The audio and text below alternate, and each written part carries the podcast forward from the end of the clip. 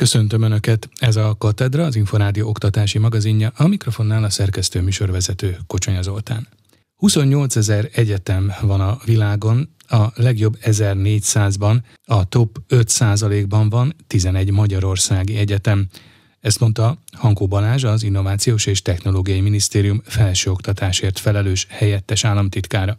Hozzátette, olyan mérőszámokat tűztek ki a magyarországi egyetemeknek, amelyek a hallgatók jólétét szolgálják. A felsőoktatási jelentkezési határidő február közepén lezárult, 300 féle alapképzés és több mint 400 féle mesterképzés közül lehetett választani. Hankó Balázs felsőoktatásért felelős helyettes államtitkárral beszélgettem. Közel 800 féle képzésből lehet választani, és a bővülés az kifejezetten a megújult felsőoktatásnak köszönhető, hiszen a társadalom gazdaság igényeire nyitottnak kell lenni a felsőoktatási képzéseinknek, és ezért egy széles palettát biztosítunk azon a 15 képzési területen, amelyben a bölcsészet, humán, reál, természettudományok mind-mind megtalálhatóak. Ott vannak az alapképzések, amelyek segítenek jellemzően három év alatt megfelelő orientációt biztosítani a jelentkezőknek, és utána erre a mesterképzéseink, de hát vannak tradicionális osztatlan képzéseink is, mint például az orvostudományi területen, vagy akár mondhatnám a, a jogi területet is, amely ö, osztatlan képzéssel áll rendelkezésre is. Talán érdemes azt is elmondani, hogy örömteli az, hogy egyre több az idegen nyelvű képzés, mert az idei képzési meghirdetéseknél 123 angol nyelvű képzésünk van, ez több egyetemen érhető el, és 10 német nyelvű képzésünk is van, ami a felsőoktatás nemzetközi esítését jelenti. Tegyük hozzá azért, hogy vélhetően ez korán sem már csak a itt tanuló külföldi diákoknak szó, hanem nagyon sokan választanak magyar diákok, magyar továbbtanuló fiatalok is idegen nyelvű képzést. Természetesen, tehát ez, ez jellemzően helyen, ezek a képzések azért vonzák a, a magyar fiatalokat is, és hát 48 helyen érhető el felsőoktatási képzés ma Magyarországon, ami tényleg azt lehet mondani, hogy széles választék van, 21. századi választék van, megfelelő társadalmi-gazdasági profilokat lefedő választéka van a felsőoktatási képzéseinknek, és hát most jó igazán egyetemistának lenni,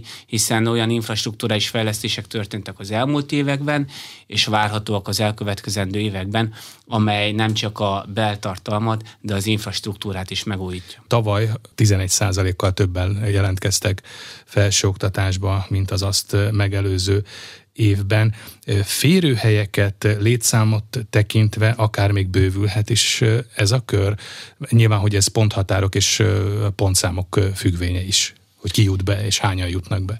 Nagyjából azonos kapacitás számmal, egy kicsivel nagyobb kapacitás számmal rendelkezünk most az idei évben a felsőoktatási felvételinél. Ez részben köszönhető annak, hogy a, az új struktúrában működő intézményeknél egy hat éves finanszírozási szerződéssel biztosítjuk azokat a, az állami ösztöndíjas kereteket, keretszámokat, amelyek a jövő vonatkozásában fontosak, és hát bízunk abban, hogy a megújult felsőoktatás felsőoktatás sokan választják, bár azt is látnunk kell, hogy a felsőoktatás megújulása mellett a szakképzésnek az oklevelés technikus képzése is jelent lehetőséget a, a 12. év után a fiataloknak, és így az első fél év, őszi fél év tapasztalatait a megújult felsőoktatásban elemezve, ahol nagyon nagy mértékben próbáltunk lemorzsolódást ö, ö, csökkenteni, illetőleg abba is, ö, arra is odafigyeltünk, hogy az úgynevezett hallgatói átsorolásoknál, amikor valaki állami ösztöndíjasból önköltséges lesz ebben a Covid időszakban, kell egy védőhálót biztosítanunk, így az őszi fél évben sokkal több hallgatót, közel tízezerrel több hallgatót tartottunk meg a felsőoktatás rendszerében, mint az előző években.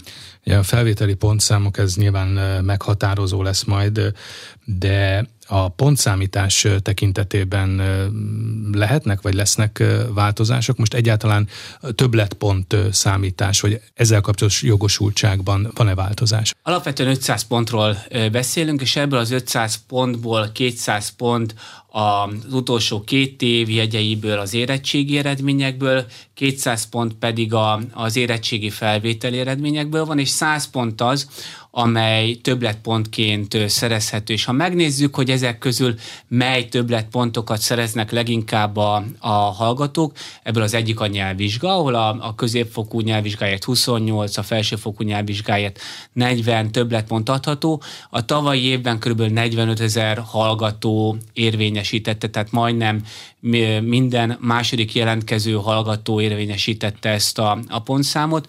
A másik pedig, hogyha valaki emelt szintű érettségi tesz, jellemzően a művészeti képzéseket ebben nem számítva mindenhol legalább egy emelt szintű érettségi kötelező. De ez követelmény is. Ez követelmény is. Az egy igen. Vannak olyan képzések, ahol két emelt szintű érettségi van. Ott az emelt szintű érettséginél plusz 50 pont adható, és ez, ha két emelt szintű érettségije van valakinek, akkor, akkor az már pontosan 100 pontot jelent. Az emelt szintű érettségi választási lehetőség is egy ilyen 50 ezeres hallgatói létszámot érintett valamint ott vannak a sport többletpontok, ott vannak például most idén indul az önkéntes katonai szolgálatért a 16 mm, vagy 32 többletpont biztosítása, de hátrányos helyzetű hallgatók esetében is biztosítunk többletpontot. Tanulmányi verseny. Tanulmányi versenyredményeiért is biztosítunk többletpontot, tehát széles a többletpontok rendszere, de maximum 100 többletpontot lehet érvényesíteni, és az oktatási hivatal munkatársai arra is figyelnek, hogy mindig mindig a hallgató számára a legkedvezőbb pontszámítási módszertant veszik figyelembe. Említette az okleveles technikusi vizsgát vagy képzettséget, ugye ez a technikumokban megszerezhető Igen. végzettség, és ha jól tudom, ezzel is valamilyen formában többletpontot lehet szerezni. Ugye arról többször beszéltünk itt az Inforádióban is, hogy a technikumra tulajdonképpen szeretnének úgy tekinteni, hogy ez tulajdonképpen a mérnök képzésnek a, az előfutára, vagy az előszobája legyen. Tehát végül is a, az a cél, hogy a technikumokból, ezekből a szakképző intézményekből a felsőoktatásba jutást, vagy ezt az átmenetet valamiképpen könnyebbé tegyék? A stratégiai cél az tulajdonképpen az, hogy a, az okleveles technikus képzésnél a plusz ráépülő egy év, és a felsőoktatási képzések egyfajta hidat képezzenek. Uh-huh. Tehát a képzési tartalom összehangolása úgy valósuljon meg, hogy az aztán a későbbiekben kreditet érjen, elszámolható legyen a felsőoktatási képzés során is. A másik, itt természetesen megfelelő szakképző intézmények és felsőoktatási intézmények között úgynevezett twinning projektek, közös képzési projektek ö, alakultak ki az elmúlt időszakban. A másik, hogy pont négyszerező lehetősége is van az okleveles technikus képzésben résztvevőknek, abban az esetben, ha megfelelő szakmai vizsga eredménnyel rendelkeznek. Ezzel is bizonyos képzési területeken, ahogy említette, a, jellemzően a műszaki képzési területeken próbáljuk ezt erősíteni, hogy a jó okleveles technikus végzettséggel aztán utána könnyebb felvételi legyen a felsőoktatásba, hiszen a, a közös gondolkodás, a közös gyakorlótér ugyanaz magam is majd közel tíz helyen jártam, és próbáltam meg akár szakképzési centrumban, akár budapesti vidéki gimnáziumban a hallgatóknak elmondani, hogy megújult a felsőoktatás, fokozatot váltott a felsőoktatás, most jó igazán egyetemistának lenni, és hát van egy folyamatos otthoni kontrollom is, mert a, a legidősebb gyermekünk most felvételizik, tehát a, így otthon is fölteszik a, a, a felsőoktatás érintő praktikus gyakorlati kérdéseket. Ha már ezeket a fórumokat említette, én is olvastam egy beszámolót egyébként a Városmajori Gimnáziumban tartott fórumról, ahol ön adott tájékoztatást a továbbtanulásra készülő diákoknak. Mi volt egyébként akár itt, vagy akár más fórumokon a tapasztalat, vagy mi volt a visszajelzés a diákok részéről?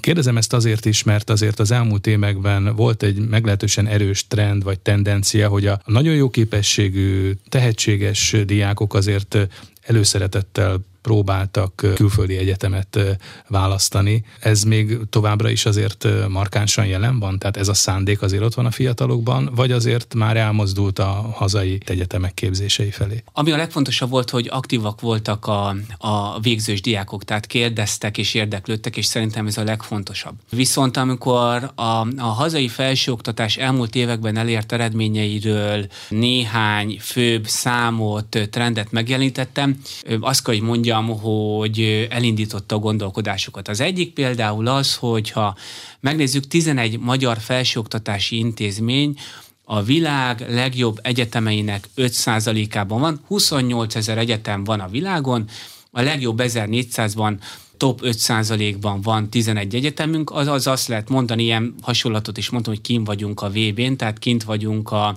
abban a csoportban, ahol, ahol igazán jó De ez egyetemek ugye azért vannak. egy egyetemi rangsor vagy ranglista, mert ugye számos, akár egymással összevethető vagy összehasonlítható. Van, ugye ez, ez a, ez a Times, Times Higher Education, Education Azért szoktam erre igen. hivatkozni, mert ez a legkomplexebb hmm. mérőszámmal rendelkező egyetemi rangsor, amelyben minden egyetem benne van. Felsőoktatás, meghatározó képzési területeiben a világ élvonalába tartozunk. Minőségi oktatás, tehetséggondozás, közösségteremtés, szoros nemzetközi kapcsolatok, tanulmányi sport és szociális ösztöndíjak. Többek között ezekre fektett különös hangsúlyt a Károli Gáspár Református Egyetem. Az intézményben jelenleg 8500-an tanulnak, ez azt jelenti, hogy 10 év alatt megduplázódott a hallgatói létszám.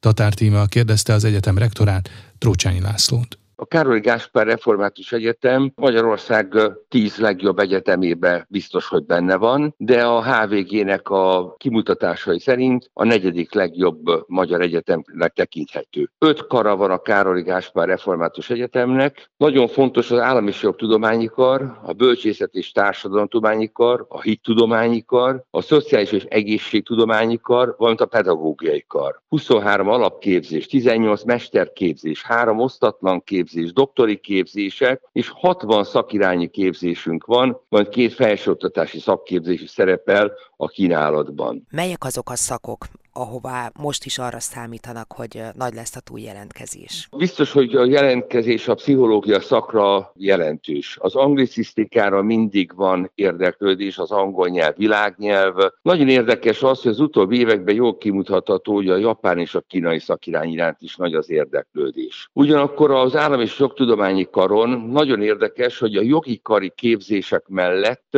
Számos egyéb képzés is megindult, de a humán erőforrás képzés. Nagyon fontosnak tartom a gazdálkodás tudományi területeket. Ugyanakkor a pedagógiai karon nagyon fontos például az óvodapedagógus. Ugye a református egyháznak van egy nagyon széles hálózata, tehát az óvodáktól kezdve az általános iskolák, a középiskola, és így azok, akik mondjuk itt akarnak elhelyezkedni, nagyon sokan a Károli Gáspár Egyetemre jönnek. Újdonságként mondhatom, egy nem régen indult be, az ápolás és betegellátás alapképzési szak. Gondoljunk arra például az egészségügyi asszisztenseknek a képzésére, egészségügyi menedzsereknek a képzésére. Ezen kívül pedig az ápolástan, az is egy nagyon fontos, Magyarország sajnos egy előregedő társadalom, tehát sok idős van, és bizony az idősekkel való foglalkozás az egy kiemelt kérdés. Nagyon fontos a hittudományi kar, sokan érdeklődnek, vallástanár akar lenni, és a teológiai tanulmányok iránt érdeklődnek, ők e természetesen a hittudományi kart választják. Milyenek a visszajelzések a munkaerőpiacon? Milyen értéke van a Károli diplomának? Nagyon sok helyen vannak Károlis hallgatók, nem csak a jogi életet tudom mondani, de a bölcsészet tudományi karon, akik kijönnek, azt kell mondani, az egyik legjobb bölcsészkar Magyarországon a Károli Gáspár Refényüzden bölcsészkara. Tehát az ott végzős hallgatók vissza reménykedhetnek abban, hogy jó munkahelyet fognak találni. Hát említettem a pszichológiát, az anglicisztikát. Úgy gondolom, hogy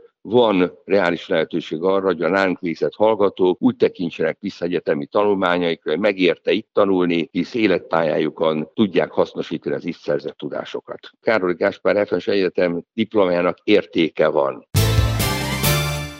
Kétszer-háromszor annyi tanító vagy teológus hallgatót tudna felvenni a Debreceni Református Hittudományi Egyetem, mint ahányan évről évre jelentkeznek. Sok hallgató már harmad vagy negyedéves korában állást kap, a környező megyék kis települései pedig a teológusokat is tárt karokkal várják. Az intézmény tízféle ösztöndíjat, különböző támogatásokat, korszerű kollégiumi ellátást kínál a hallgatóknak. Tatár Tíme az intézmény oktatási rektor helyettesét, Vitéz Ferencet kérdezte. A Debreceni Református Hittudományi Egyetem nem tartozik a legnagyobb létszámú felsőoktatási intézmények közé, hiszen ha mindenféle képzésünkön jelenlévő nappali, levelező és esti tagozatos hallgatókat, ha összeadjuk, az aktív létszám az egy olyan 530-540 fő jelenleg. Kapacitásunkat egyébként korán sem használjuk ki, mert nagyjából olyan bő egy harmada a jelenlegi létszám annak, amit hivatalosan megállapított kerethez képest felhasználunk. Ez a meghirdetett szakokra is vonatkozik, hogy soha nem tudjuk feltölteni. Jelenleg a tanítóképzési intézeten egyetlen egy szakunk van, ez a tanítószak. A teológiai intézetben több szak is működik, 8-9. Ez azt jelenti, hogy nincs is olyan, hogy túljelentkezés, tehát lehet bátran menni Debrecenbe? Mondhatnám, hogy sajnos nincsen túljelentkezés. Ez a sajnálat kifejezés a teológiai és a tanítószakra egyaránt vonatkozik. Például felvehetnénk a jövő tanévben 120 nappali tagozatos tanítószakos hallgatót, meg szintén nagy létszámú esti tagozatos hallgatót. Nem igazán jellemző ma az, hogy pedagógus pályára ezen belül tanítószakra szeretnének menni a végzős középiskolások. Ha azt mondom, hogy a vidék vezető tanítóképzője vagyunk, hogyha mi 40-50 főt tudunk indítani első éves tanító szakos képzésben. Ez azt is jelenti, hogy a többi intézményben általában nagyjából ennyi vagy ennél kevesebb a jelentkező, tehát kétszer-háromszor ennyi hallgatót is fel tudnánk venni. Hogyha a teológiai szakokat nézzük, ott melyek a legfontosabbak? Melyek mondjuk azok, amelyek máshol nincsenek, vagy nem ilyen formában vannak? Református lelkészek, teológusok, meg egyházi munkatársak képzése tartozik a Teológiai Intézet által gondozott szakok feladatkörébe. Természetesen a református teológia, illetve teológia lelkész szakirányú képzést lehetne első helyre tenni, de hát hasonlóan fontos a kántorképzés, vagy a katekét, a lelkipásztor munkatárs. Ezzel együtt a Debreceni Egyetemmel együttműködve a hittanár, nevelő tanár képzés az közismereti tanárszakokkal is párosítható, tehát van osztatlan tanári, hittanár, nevelő tanár, magyar tanár, történelem tanár, hittanár, nevelő tanár, német, vagy kon és népismerettel is társítani lehet. És hát ugye az egyházkerület a legnagyobb létszámú kilenc egyházmegye, és most meg se tudom mondani pontosan, hogy hány egyházközség, rengeteg kis pici apró település, ahová bizony kellenek a lelkészek, illetve főleg a szatmári, a beregi, de akár a nyírségi, vagy a bihari, hajdúsági, békési kis településekre nagyon sok tanító is kellene, jóval több tanító kellene, mint amennyien jelentkeznek a képzésre. Ha ki tudnánk tölteni a teljes kapacitást, lenne elegendő református teológus lelkész, illetve a lelkész munkáját segítő munkatárs, valamint lenne elegendő tanító szakos jelentkező. Talán még akkor sem lenne elég, hogy a most, illetve a következő években felmerülő pedagógus tanítóigényeket teljesíteni tudnánk, kellenek a tanítók, kellenének. Katedra. A Tudás magazinja oktatásról, képzésről, nevelésről. Már az őszi fél évben is meglehetősen nagy volt a túljelentkezés a Matthias Corvinus Kollégium középiskolás programjára. A téli felvételi időszakban 1183 diák jutott be a képzésre, így már mintegy 3500 középiskolás fiatalnak nyújt ingyenes oktatási lehetőséget a tehetséggondozó intézmény. A középiskolai program egy személyes képzésen alapuló program, amelyet kiegészít a négy vagy nyolc hetes rendszerben működő e-learning kurzusok kínálata. A kínált témák palettáján megtalálható többek között a modernkori történelem, a közgazdaságtan, a pszichológia, a jog, az irodalom, valamint egy magyar és egy angol nyelvű íráskészségfejlesztő kurzus is. A diákok számára havonta kétszer, szombatonként személyes készségfejlesztő napot tartanak, amikor lehetőségük nyílik ismert szakértők által tartott előadásokon, különböző általános kommunikációs és érvelés technikai, valamint tanulás módszertani tréningeken részt venni. Az idei tanévtől az e-learning kurzusok mellett valamennyi képzési helyszínen elérhetők a személyes tanulási és közösségépítő alkalmak, valamint heti rendszerességgel szakmai klub délutánokat is szerveznek a diákoknak. További újdonság, hogy elindultak az angol és német nyelvi kurzusok is, amelyeknek elsődleges céljuk az idegen nyelvi beszédkészség fejlesztése. Emellett már a Történelem írás című tudományos igényű történelmi dolgozat megírását támogató új e-learning kurzus is elérhető a középiskolás programban résztvevők számára. Katedra. Merre tart a hazai oktatás? Milyen lesz a holnap iskolája?